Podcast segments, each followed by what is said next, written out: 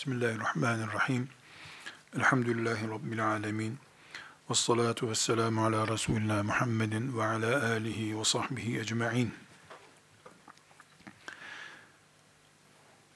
Müslümanların hayatında, İslam'ın programında hadis-i şerifler diye bir gündem var. Müslüman hadis bilir. Müslüman hadisle Müslümanlık yaşar. Müslüman hadisten kopunca merkezden uzaklaşır. Bütün bunlar da Kur'an gibi değil ama Kur'an'la beraber olan hakikatlerdir. Bu cümleyi defalarca tekrar etmek zorundayız. Hadisi şerifler bir külliye olarak, bir bütün kompleks olarak asla Kur'an değildir. Hiçbir şey Kur'an değildir zaten. Sadece Kur'an Kur'an'dır. Ama hadisi şerifler sıradan bir yazı da değildir. Kur'an gibi ama Kur'an değil. Yani statüsü, işlevi Kur'an işlevidir. Kur'an ne yapıyor? İnsana imanını, Müslümanlığını öğretiyor. Hadis-i şeriflerde imanı ve Müslümanlığı öğretiyor. Hadis-i şerifleri ileride inşallah daha uzunca ele aldığımızda göreceğiz ki Kur'an-ı Kerim'in pratiğe dökülmüş şekli hadisi şerif olarak karşımıza çıkmıştır. Burada bu çapta yani e, Kur'an değil ama Kur'an gibi işlev yapan hadisi şerifler şu asırda veya bu asırda karşımıza çıkmış değildir. Adına istersek sünnet diyelim, istersek de hadis diyelim. Hadisle sünneti biz avamdan insanlar olarak eşit manada kullanıyoruz. Sünnet diyoruz, hadis anlıyoruz. Hadis diyoruz, sünnet alıyoruz.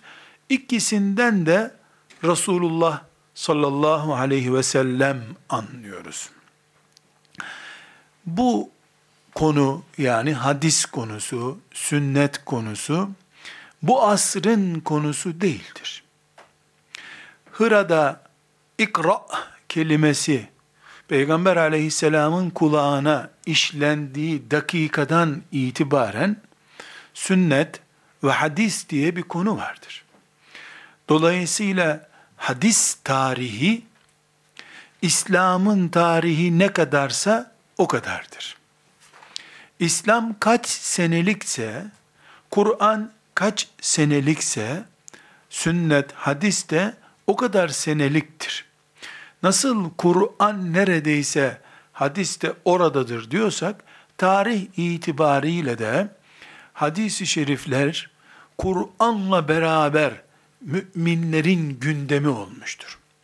Bunun üç büyük dayanağı var. Birincisi Allah'ın gündeminde peygamberinin sünneti yani hadisi şerifler var. Bunu belgeleyeceğiz. İki, ben sizin peygamberinizim. Allah beni size gönderdi. Size cennetinizi, cehenneminizi, dünya ve ahiret saadetinizi öğretmek için, sizi ateşin kenarından çekmek için Allah beni gönderdi diyen Peygamber sallallahu aleyhi ve sellemin gündeminde hadis diye bir gündem var.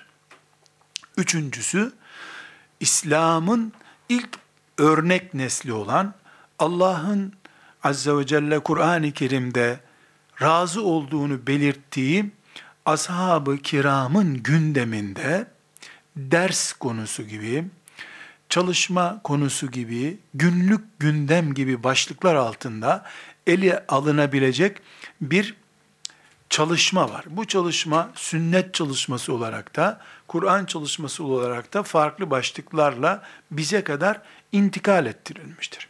Tekrar bir e,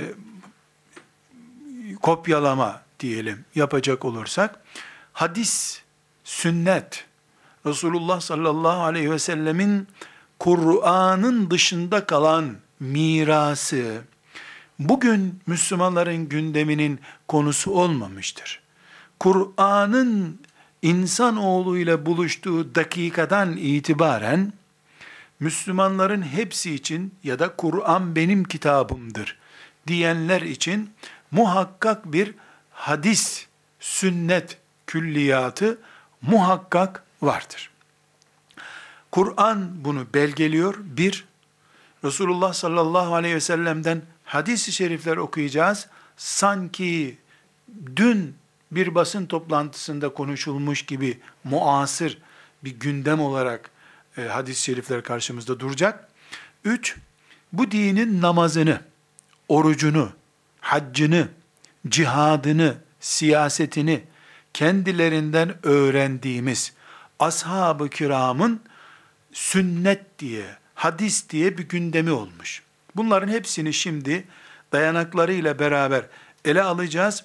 Böylece e, Kur'an-ı Kerim'in, sünnetin, Resulullah sallallahu aleyhi ve sellemin kendisinin, ashab-ı kiramın konusu olarak bir hadis konusu bu dünyada var diyeceğiz. Kim Kur'an benim kitabım diyorsa, kim Resulullah benim peygamberim aleyhissalatü vesselam diyorsa, kim ashab-ı kiramdan iyi Müslüman olacak halim yok benim diyorsa, onun hadis gündemi olması lazım.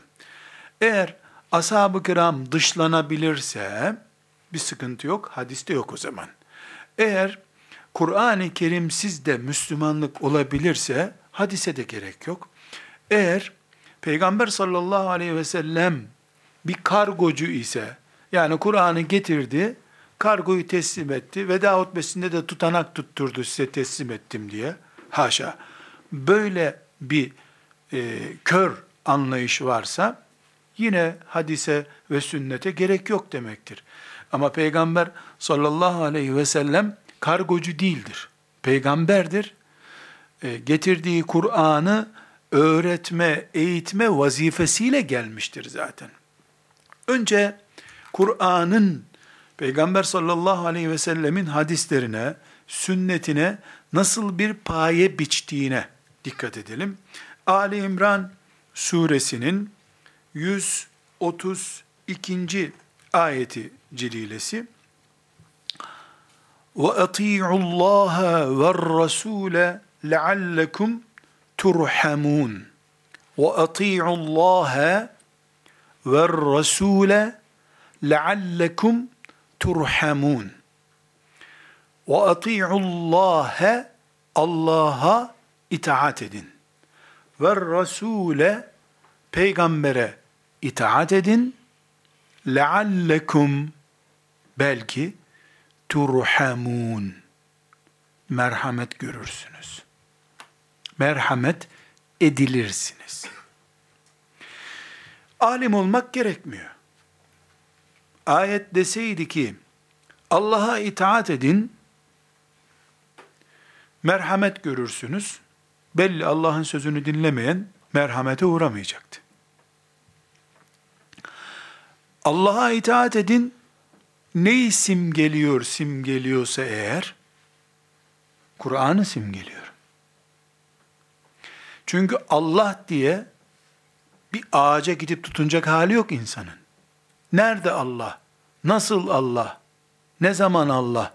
Sorularının cevabı Kur'an'dır. Kur'an neyse Allah o. Öyle bir Allah.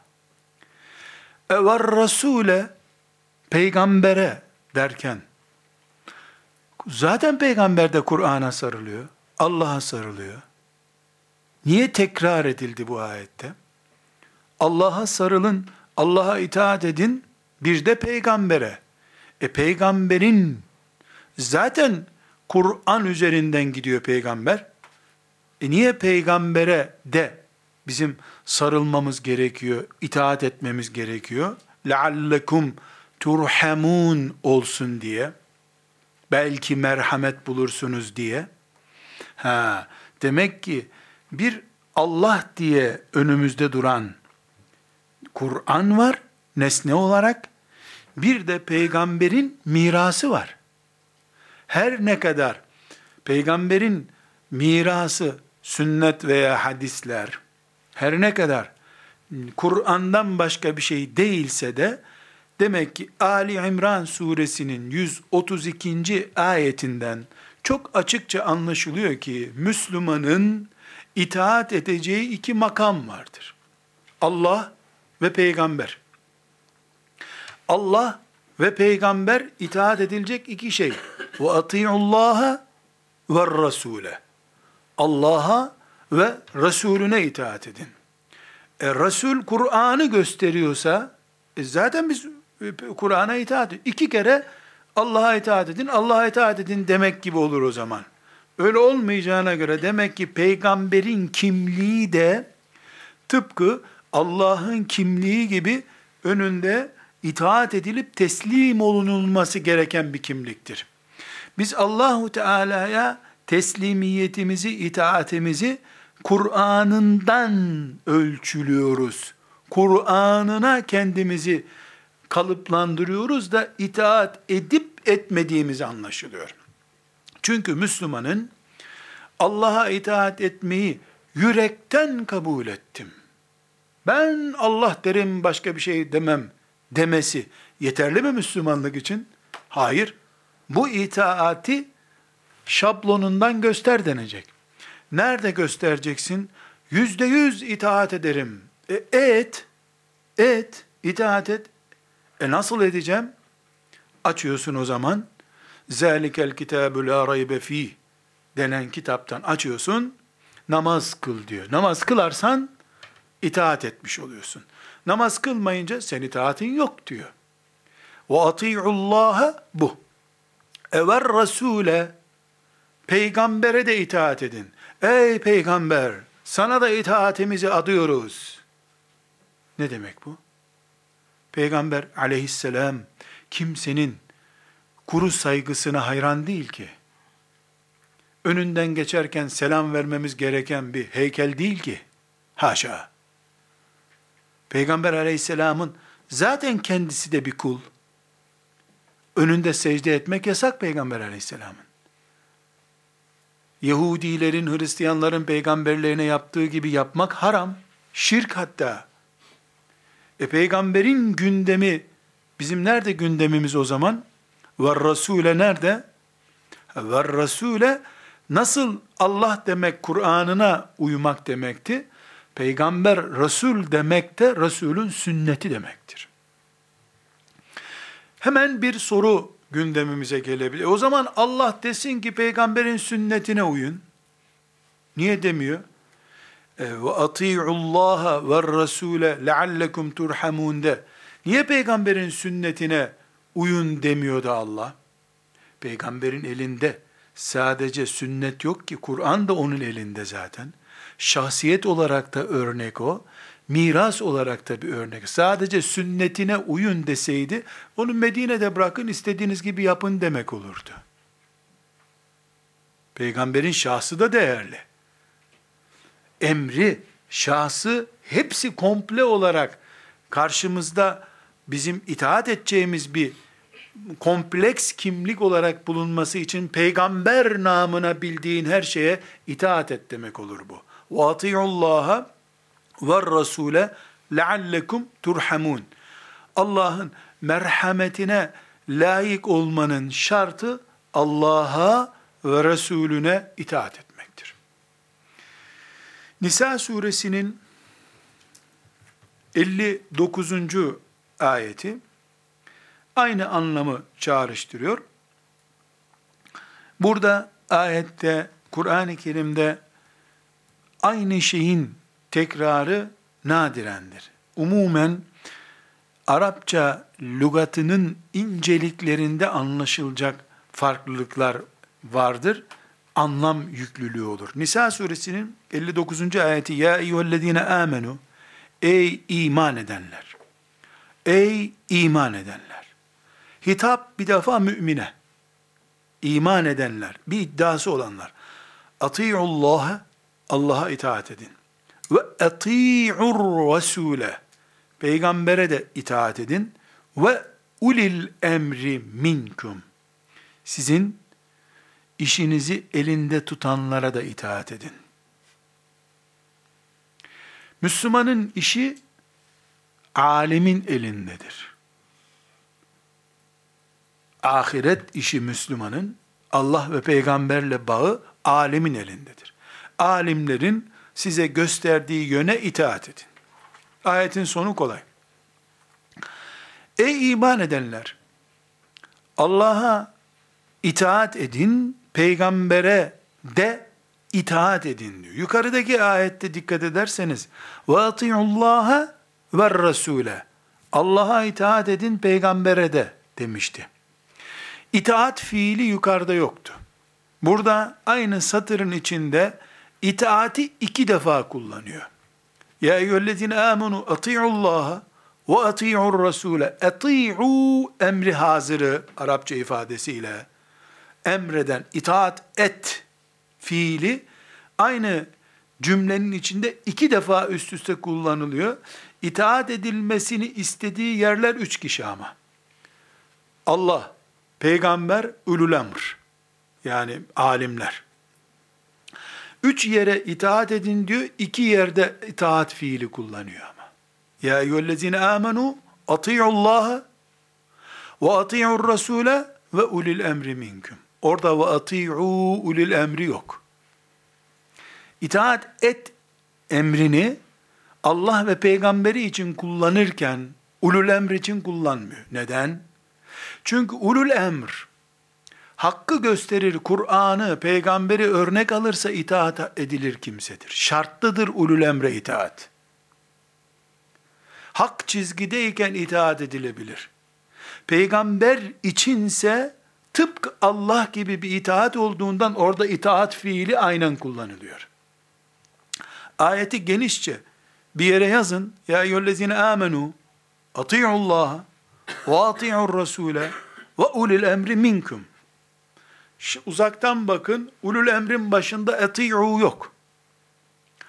Ulul emrin başında eti'u yok. Bağlaç harfiyle önceki itaat edin kelimesine bağlanıyor. Ve ati'ur rasule deki itaat yani uyun, sözünü dinleyin emrine bağlaç harfiyle bağlanıyor.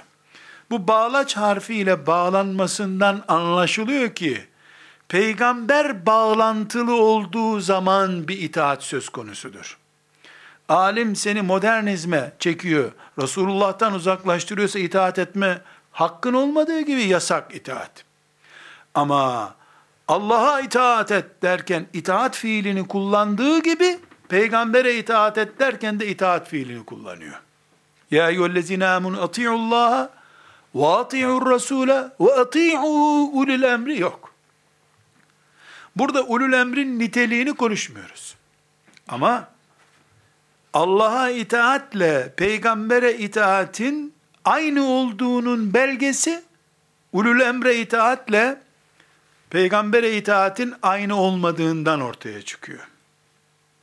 Peki e niye bu kadar dolambaçlı oldu bu ayet? Ey müminler! Peygamber Allah demektir, Allah peygamber demektir. Ulul de ikinci sınıftır ha ona göre deseydi de biz de çok iyi anlasaydık. Kur'an biz onu anlayalım diye dertlenecek bir kitap değildir.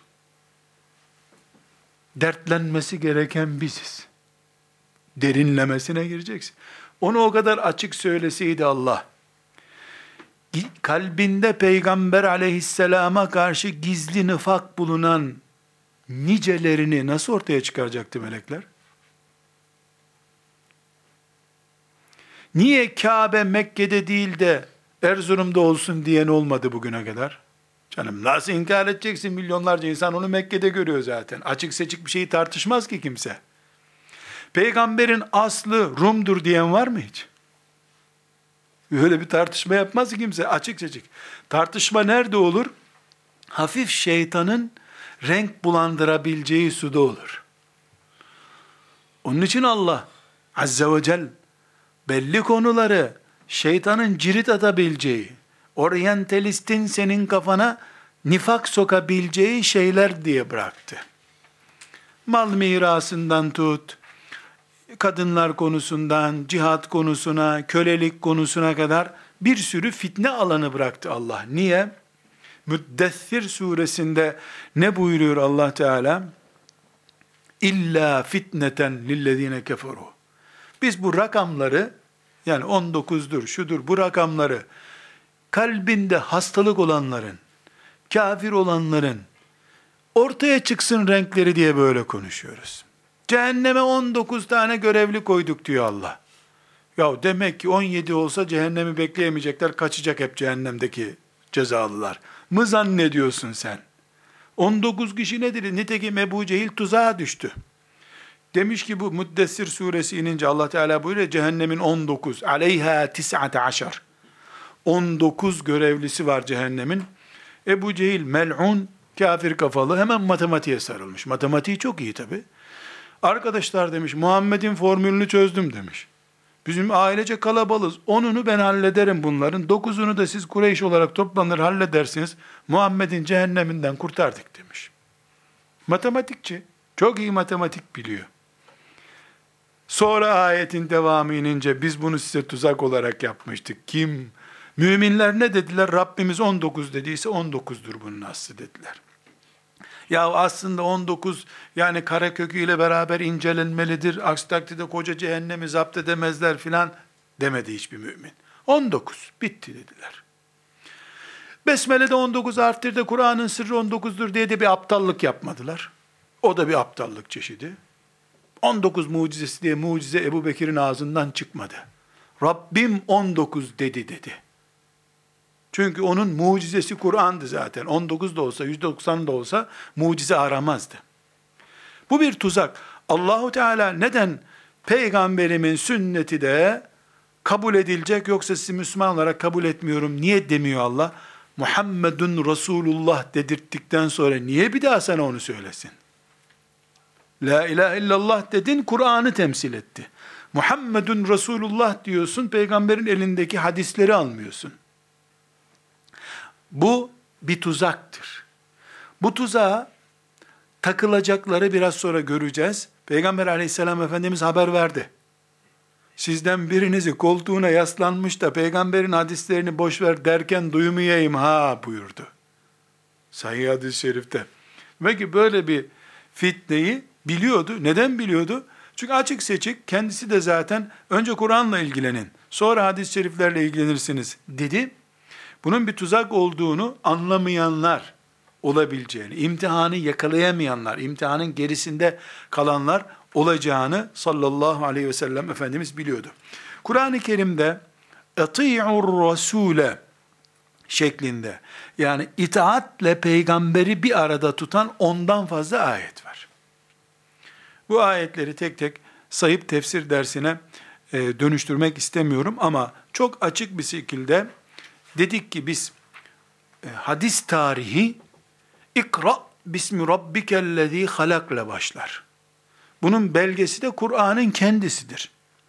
Resulullah sallallahu aleyhi ve sellemin emin ağzından çıkan sözlerdir. İslam'ın namazını bize öğreten, haccını, cihadını öğreten ashab-ı kiramdır. Allah onlardan razı olsun. Kur'an-ı Kerim hem Ali İmran suresinin 132. ayetinde hem de Nisa suresinin 59. ayetinde de bu hakikati beyan ediyor. Bu iki ayetten fazla e, daha fazla 10 civarında ayette de ve ati'ur rasule peygambere itaat edin ifadesi var. Burada Haşr suresinin El Haşr suresinin 7. ayeti oldukça dikkat çekelim. Ee, Allahu Teala وَمَا آتَاكُمُ الرَّسُولُ فَخُذُوهُ وَمَا نَهَاكُمْ عَنْهُ فَانْتَهُوا وَاتَّقُوا اللّٰهِ اِنَّ اللّٰهَ شَد۪يدُ الْعِقَابِ buyuruyor. وَمَا آتَاكُمُ الرَّسُولُ Resul size ne verirse, ne verirse fehuzuhu onu alın. Ma nehakum anhu peygamber sizi nereden yasaklarsa fentehu onu yapmayın. Bırakın. Vettekullâhe Allah'tan korkun. İnnallâhe şedîdul ikab. Çünkü Allah'ın ikabı, ikab ceza, intikam demek. Şiddetlidir.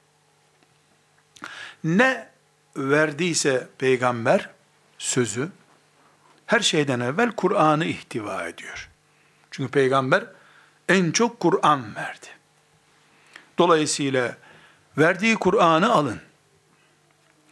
Neyi yasakladıysa dediğimizde durmamız gerekiyor. Şimdi bu ayeti ele aldığımızda, aa bak gördün mü? Hadis demiyor. Ne diyor? Ne verdiyse diyor Kur'an'ı verdi bize. Güzel. Kur'an ne kitabı? Emirler, yasaklar, kıssalar kitabı. Değil mi?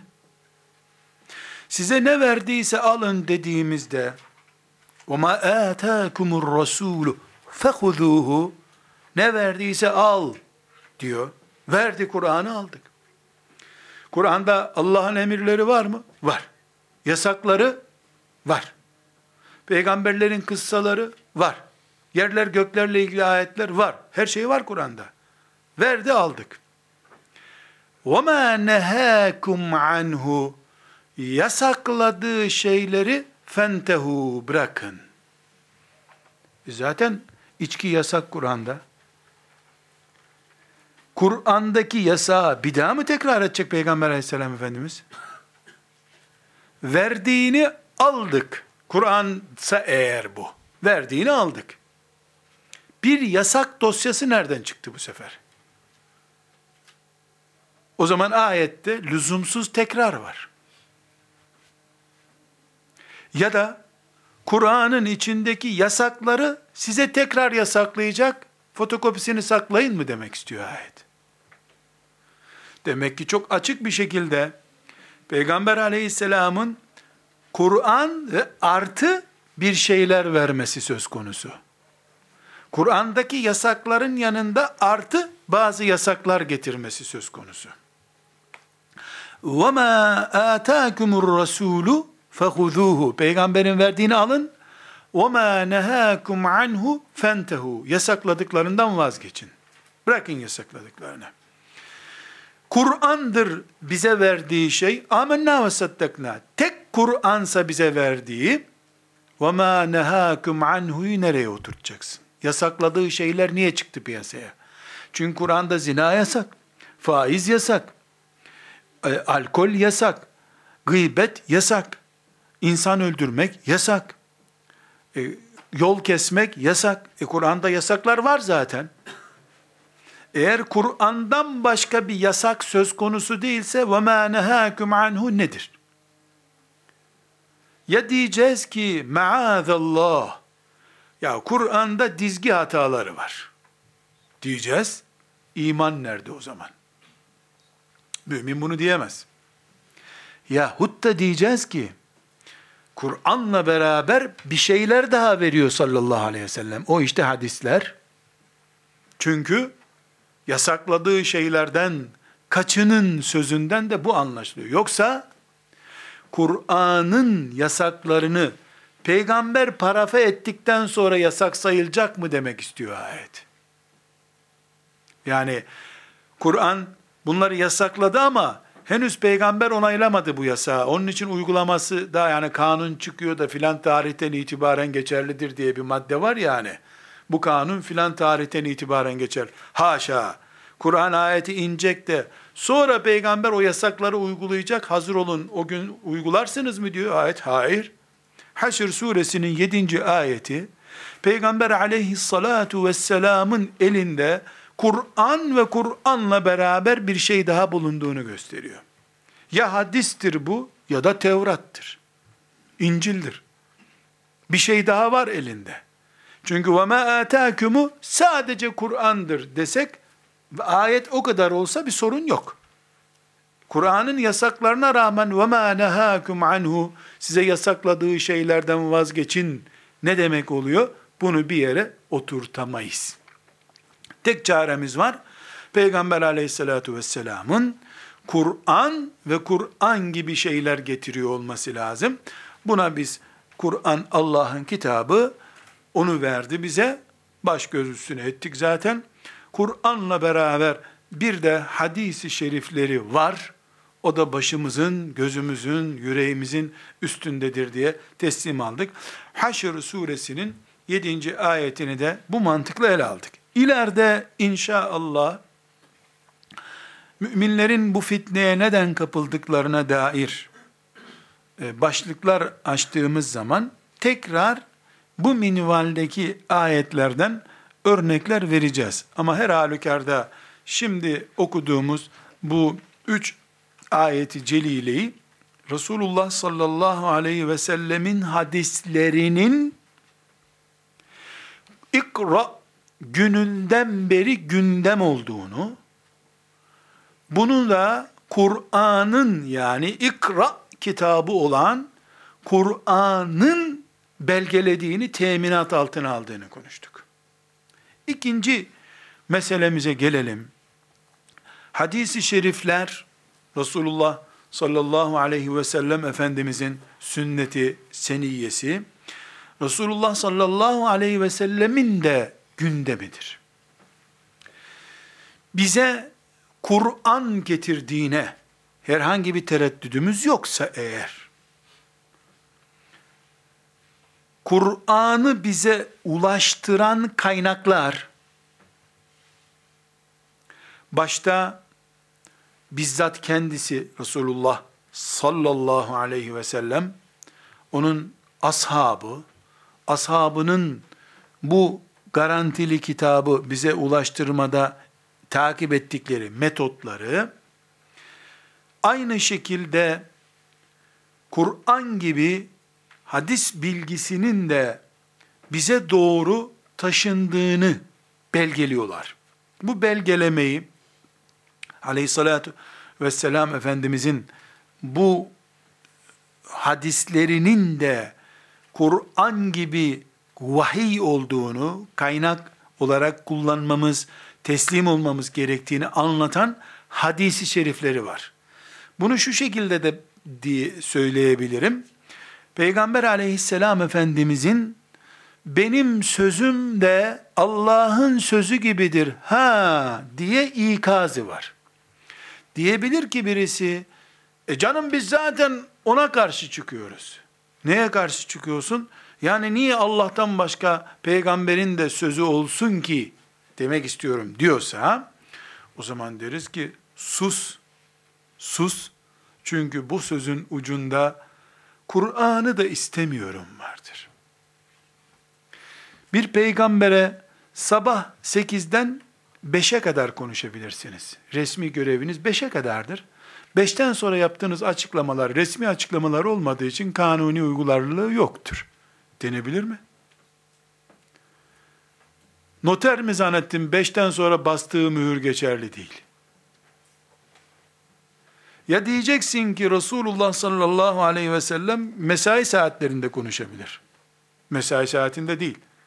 O zaman hangi dinin Müslümanısın sen diye bir soruya cevap vermen gerekiyor.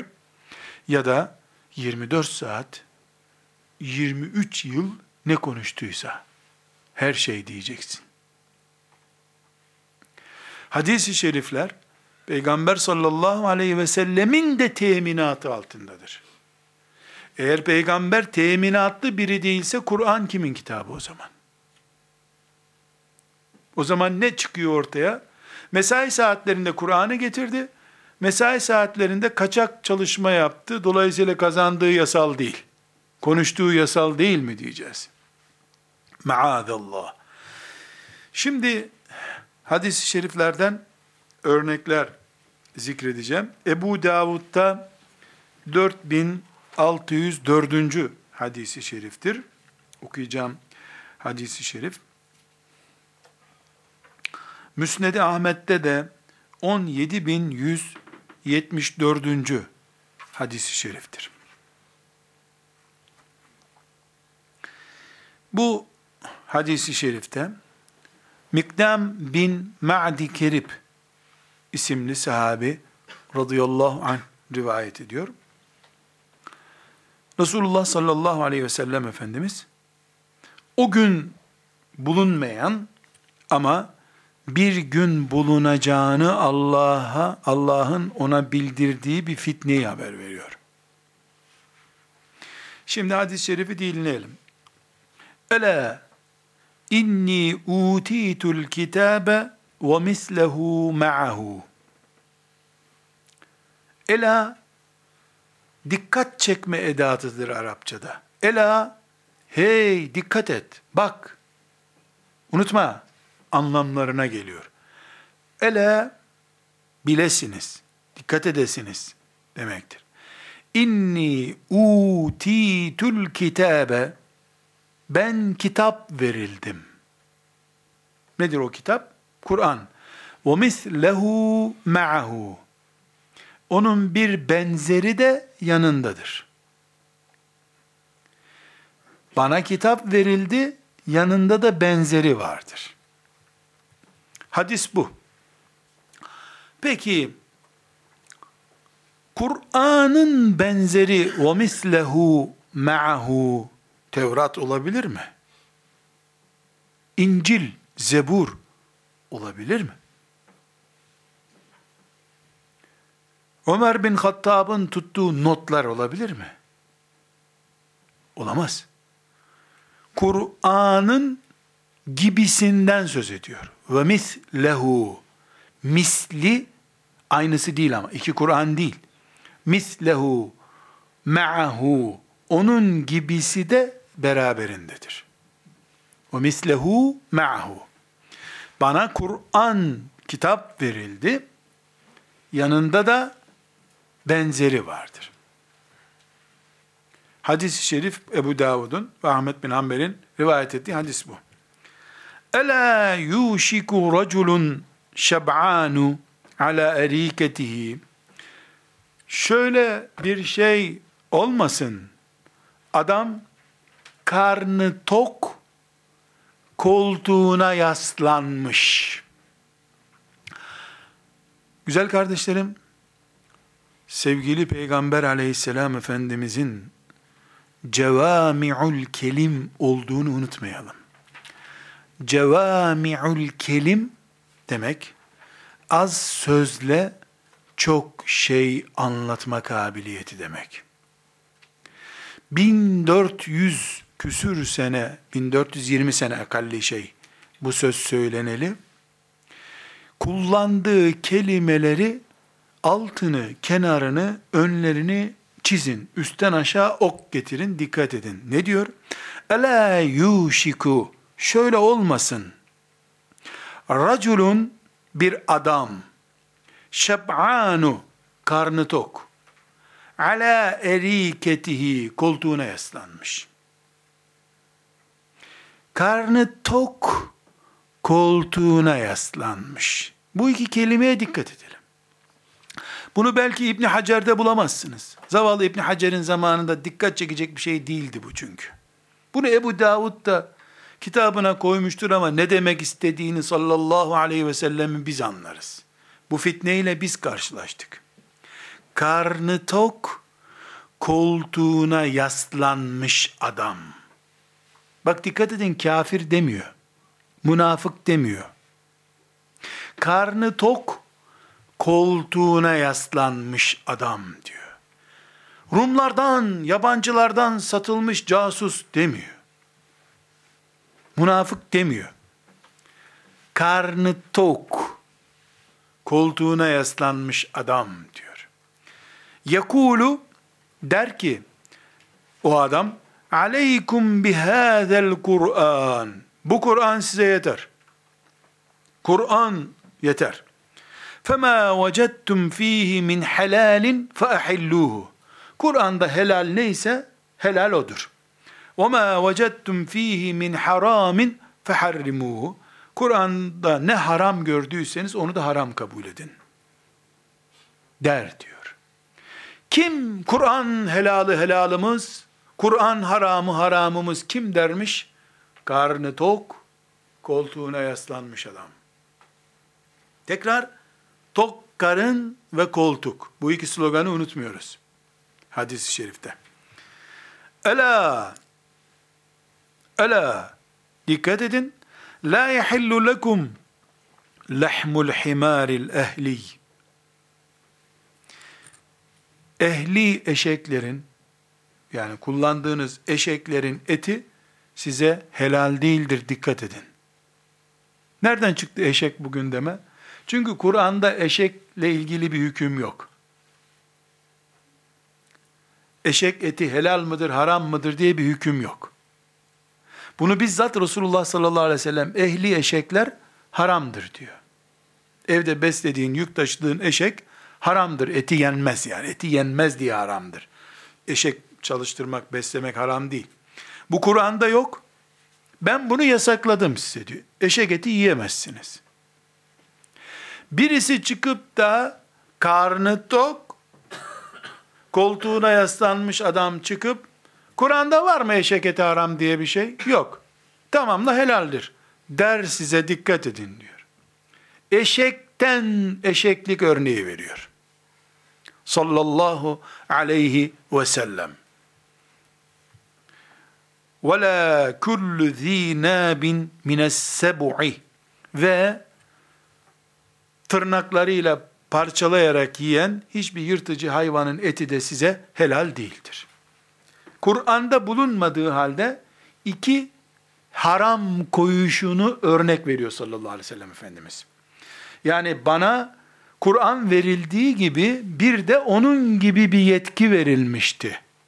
İşte örneği eşek etini ve mesela şahinin etini haram ettim size diyor. Çünkü pençesiyle parçalıyor. Kural koyuyor. Yırtıcı pençeyle parçalayan hayvanların böyle tutup avını yakalayıp kakasıyla böyle yiyen yani leş yiyen hayvanların eti size haramdır diyor. Kur'an'da bu hüküm yok. Ben koydum diyor. Çünkü neden? Utitul kitabe ve mislehu ma'ahu. Bana kitap verildi, aynısı da yanında var Sözünde aynısı bu yetkiyi kullanıyorum hükmüne geliyor. وَلَا لُقَطَةُ muahidin illa en yestagniye anha sahibuha. Dikkat edin, zimmi bir vatandaş, zimmi vatandaş demek, İslam toprağında kanunla yaşamasına izin verilen göçmen gibi veyahut da oranın yerlisi vatandaş gibi Müslüman değil, İslam devletinde yaşıyor, nüfus kağıdı var, ona zimmi deniyor. Zimminin malını bulana da o malı haram ederim diyor. Yani bu adam kafir nasıl olsa lan ya gitsin bunu öyle değil. Devletin, İslam devletinin, halifenin himayesinde bu. Ee, bir yere cep telefonunu düşürdü. Kafirin malı bu zaten diyemezsin. Tamam kim bulduysa onun olsun derse o zaman sana helal olur. وَمَنْ نَزَلَ بِقَوْمٍ فَعَلَيْهِمْ اَنْ يَقْرُوهُ فَاِنْ لَمْ يَقْرُوهُ فَلَهُ اَنْ يُعْقِبَهُمْ بِمِثْلِ قِرَاهُ Bu da şeriatın hükümlerinden biri. Bir köye, otelin bulunmadığı bir yere misafir olarak giden birisini oradakiler baksınlar. Bir köye bir adam geldi, kış günü kalacak yeri yok köylüler onu bakmak zorunda. Bakmazsa mahkemeye verip o bakımla ilgili otel masraflarını köylülerden alır. Bu da bu hadisle sabit. Kur'an'da böyle bir hüküm yok ama. Ben koydum size diyor. Tekrar hadisi şerife gelelim şimdi. Sevgili Peygamberimiz sallallahu aleyhi ve sellem ne buyurdu Ebu Davud'un ve Ahmet bin Hanbel'in rivayet ettiği bu hadis-i şerifte Kur'an ve Kur'an gibisi bana yanında olarak verildi. Sizden biri ya da bir adam karnı tok koltuğuna yaslanmış. Biz Kur'an'da bulduğumuza helal deriz. Kur'an'da haram olmayan haram değildir. Demesin sakın. İşte örnekler veriyorum size. Bunları ben yasakladım. Ben Allah'ın bana verdiği yetkiyi kullanıyorum. Özeti bu. Şimdi biz şu karnı tok adama bir dönelim. Hadisten şunu anlayabilir miyiz? Bu adam açken konuşsa günah olmayacaktı.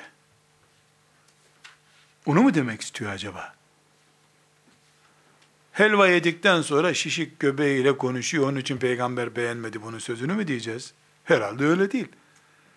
Yani keyfi yerinde, neşesi yerinde anlamı var burada. İbn Hacerler de bunu böyle anlattılar zaten. Ama ben öyle anlamıyorum. Hiç öyle anlamak istemiyorum. Allah İbn Hacer'le de beni karşılaştırmasın kıyamet günü. Nevevi ile de karşılaştırmasın ama ben öyle anlamak istemiyorum. Karın tokluğuna, maaş karşılığına veya koltuk makam uğruna sünnetimi satmasın kimse demek istiyor bence. Biraz daha da derin gideyim de yine Nevevi ile yüzleşmeyeyim istiyorum kıyamet günü ama duymaz herhalde bu dediklerimi Nevevi. Rahmetullahi aleyh. Böyle bir fitne onlar görmediler ki. Görmediler ki. Moğolları gördüler. Haçlıları gördüler ama biri çıkıp da İslam toprağında boşver sünnet hadisi diyeceğini zannetmediler. Acaba sevgili Peygamber aleyhisselam Efendimiz sünnetini güya Kur'an'ı yüceltmek için, sanki Kur'an'ı yüceltmek asas gaye. Ay yüce kitabımızın rakibi olamaz hiçbir şey, güya demek istiyor gibi bir mantıkla koltuk ve maaşla kiralanmış kafa olabilir bu işi yapanlar mı demek istiyor acaba? Hiç kimseye kafir deme hakkımız yoktur. Münafık ebediyen diyemeyiz. Ama niye karnı tok adamlar, koltuğa yaslanmış adamlar diyor. Da mesela cahil herifler, sünnetimi bilmez cahiller demiyor mesela. Kur'an'ın ne dediğini anlamayanlar, Arapça bilmez herifler demiyor mesela. Karın tokluğu niye gündeme geldi burada? Veya koltuk niye gündeme geldi burada? Bu başka hadis-i şeriflerde de benzer bir şekilde geçiyor. Burada bir not rica ederek naklediyorum. Sünnet-i seniyyeyi yani Resulullah sallallahu aleyhi ve sellemin mirasını, hadisi şerifleri, basit görme sonucu doğuracak gaflet içinde bulunanları tekfir etmek, siz kafirsiniz, Müslüman değilsiniz demek çok ağır bir itham. Böyle bir şeye tartışma açısından girmemiz, şeytanın ekmeğine yağ sürmek olur şu siyaseti takip etmemiz gerekiyor. Biz Kur'an kitabımızdır diyoruz. Resulullah sallallahu aleyhi ve sellemin mirası olan hadis-i şerifler Kur'an'ımızın şerhidir. Onlarla Müslümanlık yaşarız diyoruz. La ilahe illallah dediğimiz gibi Muhammedun Resulullah diyoruz. Bunun özeti budur. Ama böyle demeyenlerin maksatlarının Kur'an'ın altını oymak olduğunu zannederiz. Fakat sen osun demeyiz. Bunun dini benzetmesi şudur. Biz bütün kafirlere Allah lanet etsin deriz. Cehennemde kaynasın bütün kafirler diye beddua ederiz. Ama yaşayan bir insana ey kafir cehennemin bol olsun demeyiz. Son nefesi verilmemiş çünkü. Nasıl öldüğünü bilmiyoruz akidemiz, ehli sünnet akidemiz bu şekildedir. imanı için dua ederiz. Bu açıkça kafir olduğunu gördüğümüz insanlar için geçerli bir kural. Nerede kaldı ki? Ben Kur'an istiyorum deyip güya Kur'an-ı Kerim'i müdafaa edip Peygamberi aleyhisselamın sünnetini Kur'an'ın etrafından çekip sallanacak bir bina haline getiriyor Kur'an-ı Kerim'i. Ama neticede taktik olarak Kur'an güçlü görünsün, zirve görünsün Kur'an, sadece Allah konuşsun diye yapıyorum. Zannettiriyor bize. Bütün bunlar böyle bir insanın direkt kafir olarak itham edilmesini sakıncalı hale getiriyor.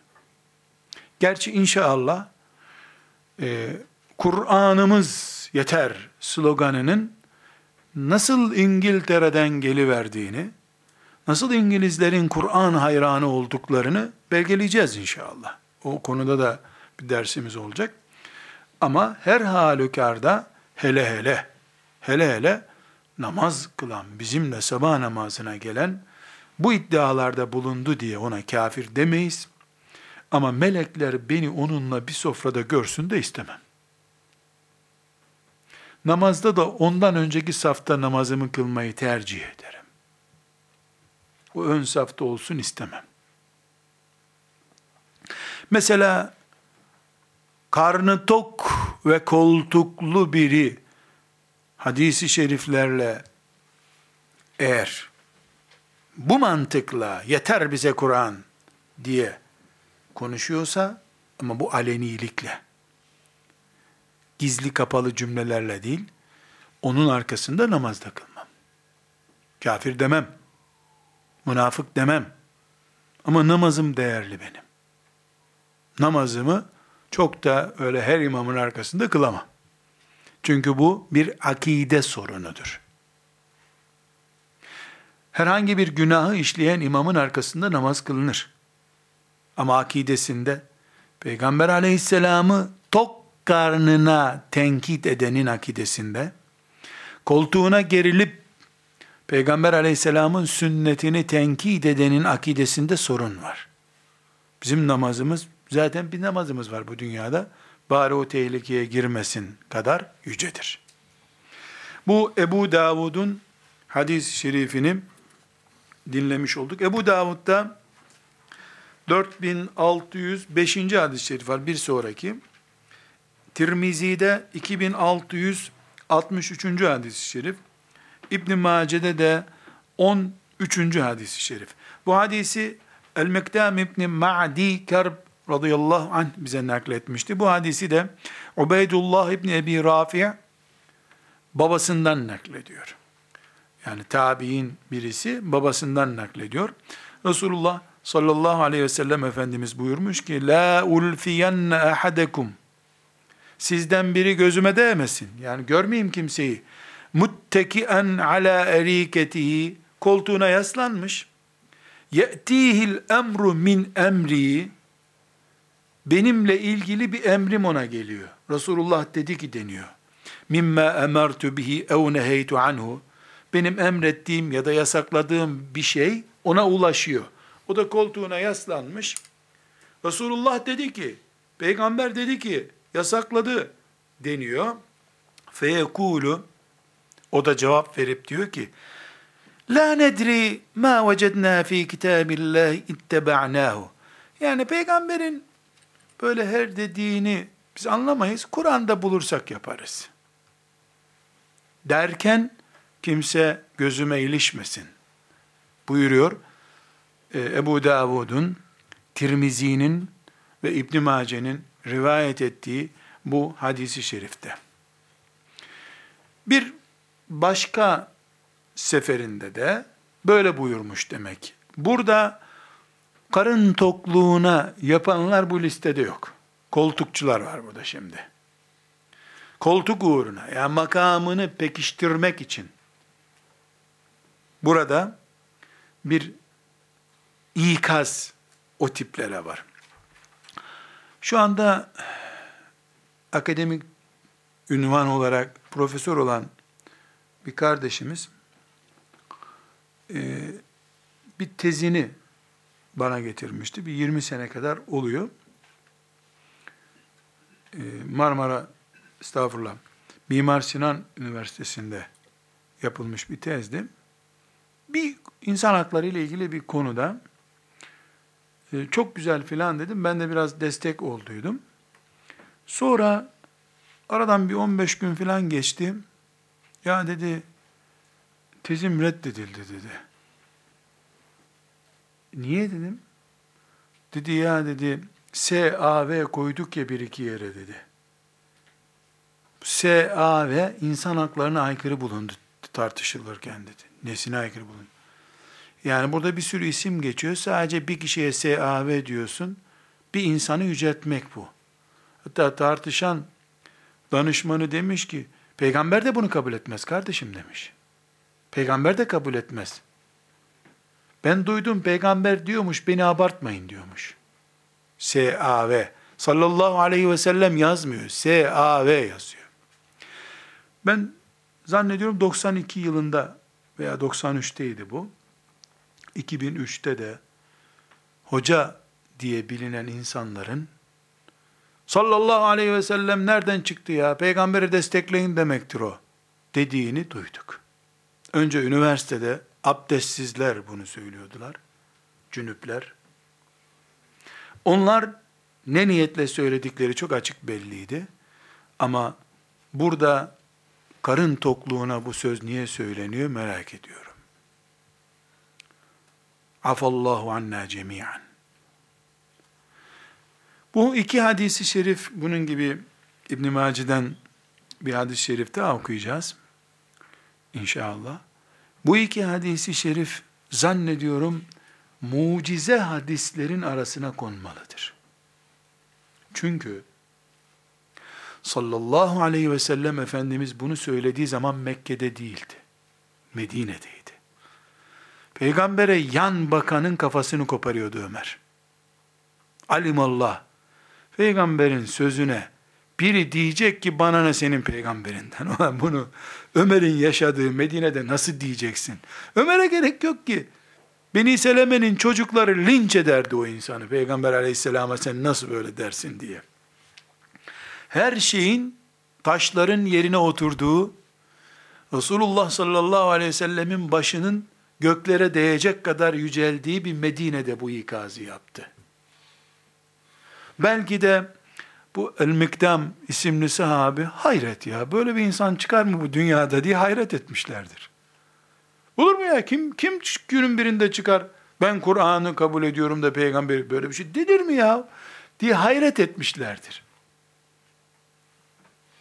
Bu gene olsun biz söyleyelim peygamber böyle demişti diye nakletmişlerdir bunu. Onlara göre uğrunda can, mal, her şey feda edilen bir peygamber Atla ateşe dese atlıyorlar zaten. Atlayın ölüme dedi. Kavga ettiler. Önce ben atlayacağım sen atlayacaksın diye.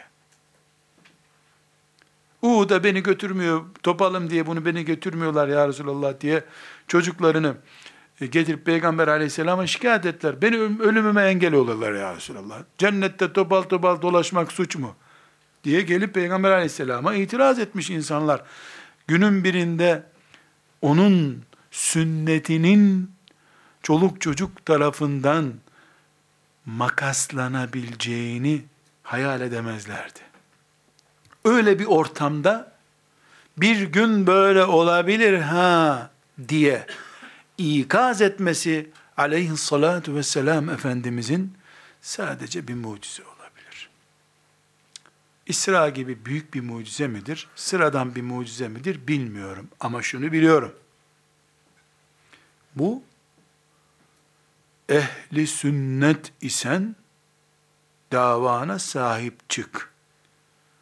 Kaçırırlar elinden bu nimeti demektir bize bunu anlıyorum. O sevdaya düşmüşler. Yani bana Kur'an yeter. Kur'an'ımız uğruna sistem kuralım diyen zaten bunu nasihati dinlemeyecek. Bu nasihati kendi kızına söylüyor sallallahu aleyhi ve sellem.